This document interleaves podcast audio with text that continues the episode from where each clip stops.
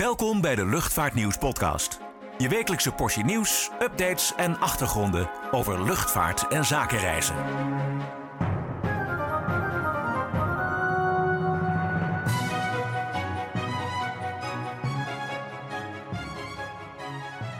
Welkom bij weer een nieuwe aflevering van de Luchtvaartnieuws podcast. Mijn naam is Klaas-Jan van Woerkom en op afstand zit mijn gewaardeerde collega Niek Vernooy. We gaan het uiteraard hebben over de nieuwe Embraer 195-E2 van KLM Cityhopper, maar we kijken ook naar de regen van vliegtuigonderdelen boven Limburg en de nieuwste Nederlandse start-up ATC NL. Daarnaast maken we de winnaar van onze weggeefactie bekend.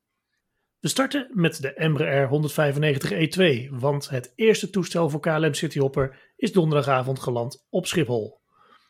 De E2 is het stilste, zuinigste en grootste toestel in de vloot en belooft daarnaast meer comfort voor passagiers. Uiteraard waren we bij de aankomst die veel belangstelling trok van spotters.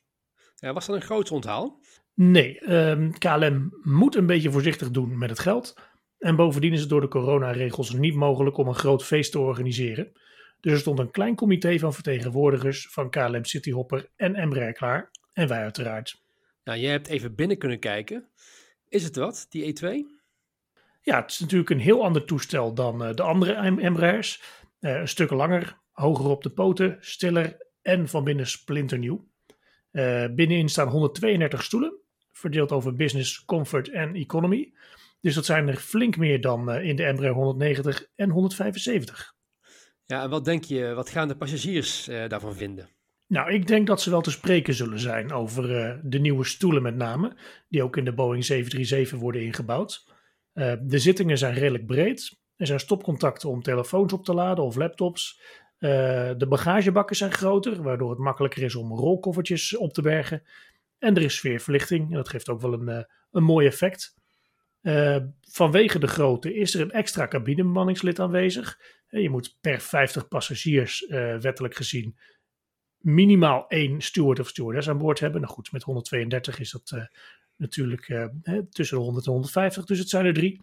Uh, dus dat betekent dat je uh, ja, per cabinebemanningslid minder passagiers uh, onder je hoede hebt. Dus meer aandacht voor de reiziger. Um, ja, de, de stoelen, daar nog even terug te komen. Um, in economy class zijn die niet achterover verstelbaar. In comfort en business wel.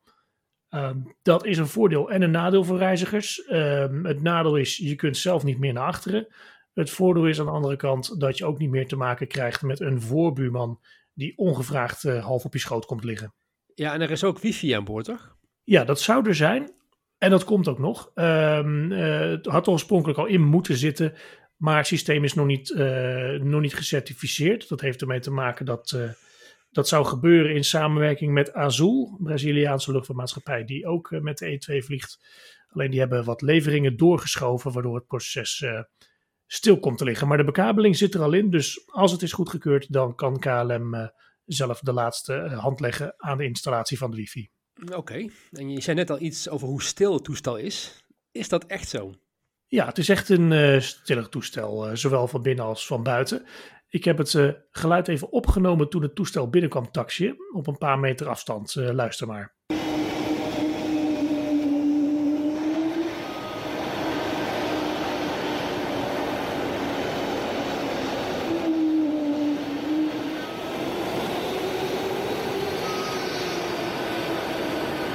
Ja, dat is inderdaad wel aardig stil.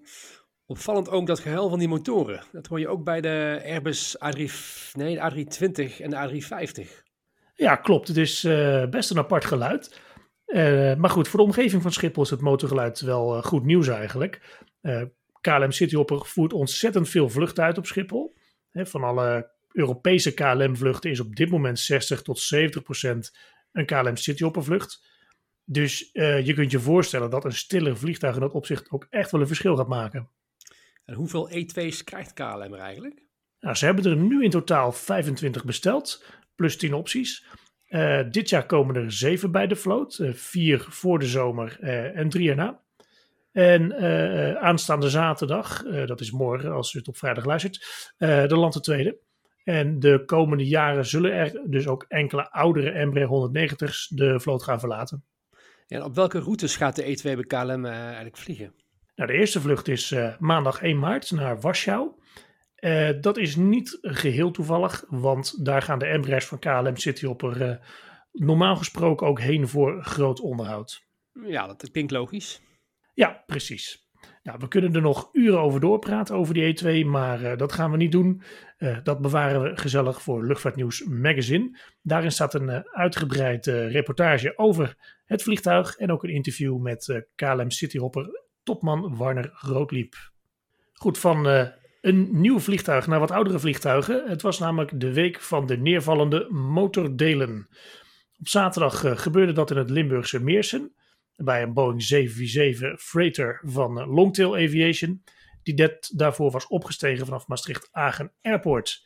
En op dezelfde dag um, was er ook een probleem met een Boeing 777 van United Airlines, want die verloor onderdelen boven Denver. Um, in Meersen raakte een vrouw gewond aan haar hoofd. In Denver bleef iedereen gelukkig ongedeerd. En niet onbelangrijk, bij de vliegtuigen maakten een veilige noodlanding. Uh, Nick, dat is nogal een spektakel. Oploffende motoren, vallende motoronderdelen. Is de oorzaak al enigszins bekend? Ja, wat betreft het voorval in Meersen nog niet. De Transportveiligheidsraad is een onderzoek gestart om de oorzaak te achterhalen. Uh, maar er was echt sprake van een onderdelenregen in Meersen. Want er zijn inmiddels uh, 200 brokstukken gevonden. Het ging met name om turbinebladen van de motor. Um, er is in ieder geval sprake geweest van een flinke klap, maar waardoor die werd veroorzaakt, uh, moet onderzoek uitwijzen. En over het incident in Denver is intussen al meer bekend. De Amerikaanse Transportveiligheidsraad NTSB heeft al vastgesteld dat een titanium schoepenblad als gevolg van metaal, metaalmoeheid kon afbreken. En dat leidde niet alleen tot grote schade aan de motor zelf, de inlaat uh, en de behuizing werden eraf geblazen, maar ook aan het vliegtuig. Want er was sprake van een flink gat aan de onderzijde van de romp. Ja, ik zag het inderdaad op, uh, op foto's. Maar goed, twee uh, van dit soort incidenten op een dag, dat kan toch bijna geen toeval zijn? Ja, het is nog te vroeg om daar iets over te zeggen. Wat wel opvalt is dat het in beide gevallen om een uh, Pratt Whitney PW 4000 motor ging. Dat is een wat ouder motortype die alleen nog bij wat oudere vliegtuigen onder de vleugels hangen.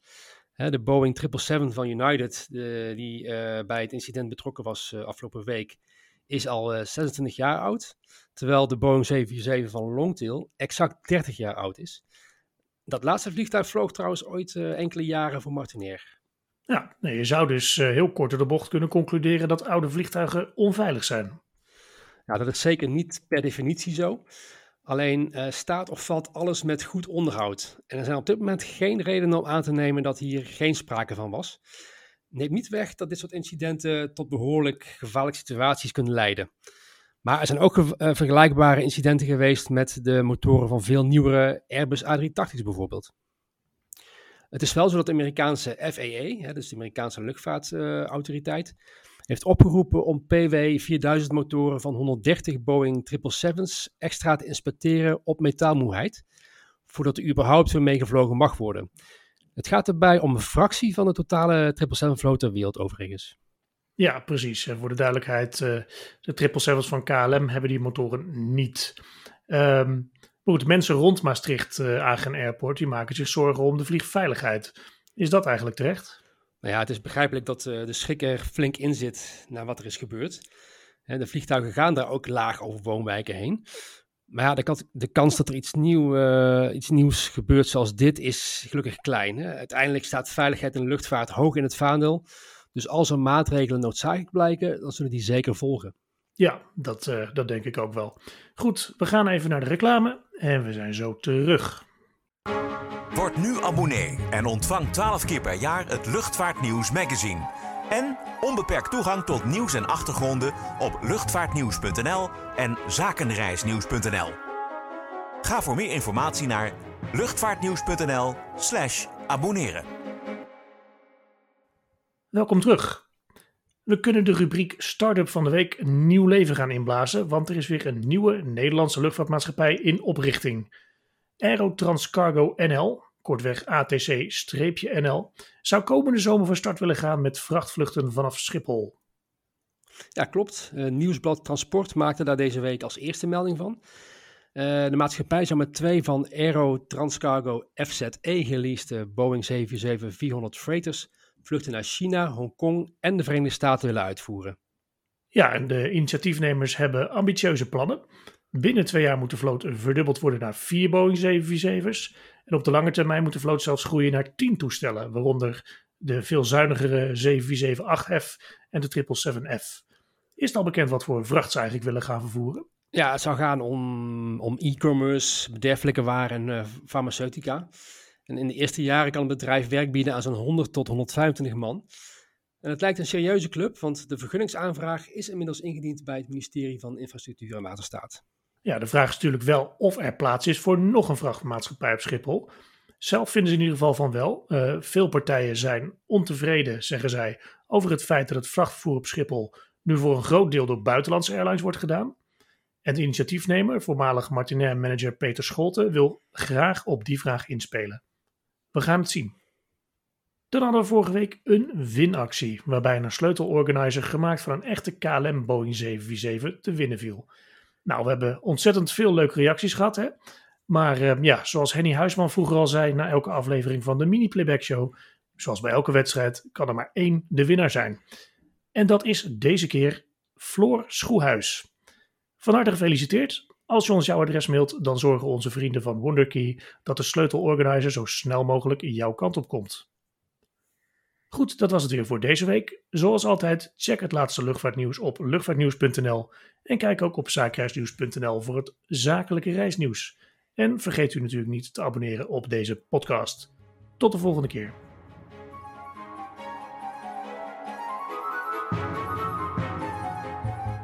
Bedankt voor het luisteren naar de Luchtvaartnieuws podcast. Voor opmerkingen, vragen of suggesties, mail ons redactie@luchtvaartnieuws.nl. Een fijne dag en graag tot de volgende podcast.